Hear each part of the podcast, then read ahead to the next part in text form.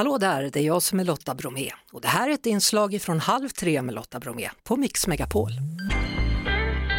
Hörrni, eh, igår så började man förstå med vilken kraft orkanen Ian träffat delar av Florida. Nitzan Cohen är meteorolog på SVT och SMHI. Välkommen till Halv tre. Ja, det är SVT eh, ja, bara. Precis. eh, men tack så mycket. Varsågod så mycket. Hörru du, den här orkanen Ian, det talas om att det aldrig har varit en så stark orkan som har drabbat Florida. Ja, det är definitivt eh, en väldigt stark orkan och man talar precis som du sa här, det är, det är en kategori 4, nästan kategori 5. Eh, och eh, det är då vindstyrka eh, som eh, avgör då vilken kategori det är, där 5 är den högsta på skalan. Hur skulle man kunna förklara kraften med vilken den här orkanen träffar land? Ja, alltså om man tänker sig att eh, när vi har eh, orkan i, i, ja, ibland i fjällen eh, så kan det vara vindstyrkor ja, på, ja, på 30-40 meter per sekund och nu pratar vi eh, många gånger. Ibland kan det vara mer i vindbyarna förstås. Eh, men nu pratar vi alltså 69 meter per sekund. Nu pratar man om i som mest då, i det allra, allra starkaste. Ja. Eh, och jämför då med, med med Gudrun då nådde man kanske då upp mot, eh, mot 30. För stormen Gudrun är liksom något man, man tänker i svenska mått. Mm. Eh, så man kan förstå att det här är mycket starkare än så. Ja, och när man då ser nu så är, har vattnet stigit på olika håll. Var kommer det vattnet ifrån? Är det regn eller är det havet som slår upp?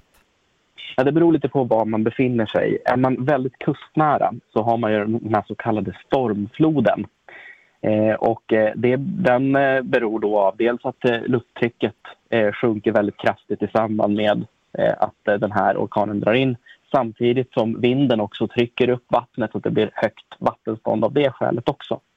Så man får flera saker som, som eh, samverkar med varandra som gör att vattenståndet lyfts väldigt mycket och sen så knuffas i princip vattnet in över land som mm. sådana här flodvågor. Så det påminner lite och, grann om en tsunami då kan man säga?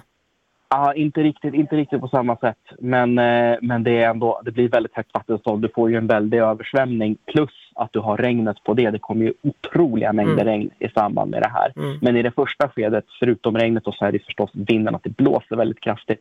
Att det sen kommer upp eh, mycket, mycket vatten från havet till kusterna. Nu har det ju visat sig då på bilder hur kustlinjen och, och även öar, broar är trasiga. Det har liksom försvunnit delar av land i Florida det är så här det ser ut eh, när en eh, orkan är så pass kraftig. Att, eh, och speciellt om man talar om en kategori 5 då, som vi nästan var uppe i här. Mm. Då brukar, brukar det vara en, en vanlig konsekvens. Men vi ser att även en kategori 4 eh, når. Och den här, de här konsekvenserna förstör både infrastruktur och eh, hem framför allt. Mm. Jag tycker att man har sett väldigt, eh, massor med bilder just för att Florida är, är väldigt mycket, mycket båtar och så, båtar som är kastade huller om buller. Så jag har sett bilder på här. Mm. Det är, ja, förödelse.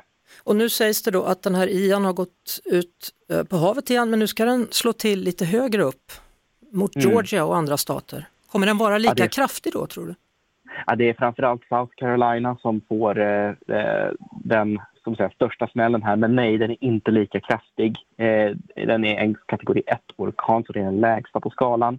Men det är fortfarande det är mycket kraftiga vindar. Det är en tal om en stormflod även vid kusten där, framförallt i delar av South Carolina. Då. Och sen är det kraftiga regn eh, kopplat till det här så att eh, vi kan förvänta oss eh, ja, säkert platser som kommer att få 150 till 100 till 400 millimeter eh, regn på ett dygn. Det var det. Vi hörs såklart igen på Mix Megapol varje eftermiddag vid halv tre. Ett poddtips från Podplay.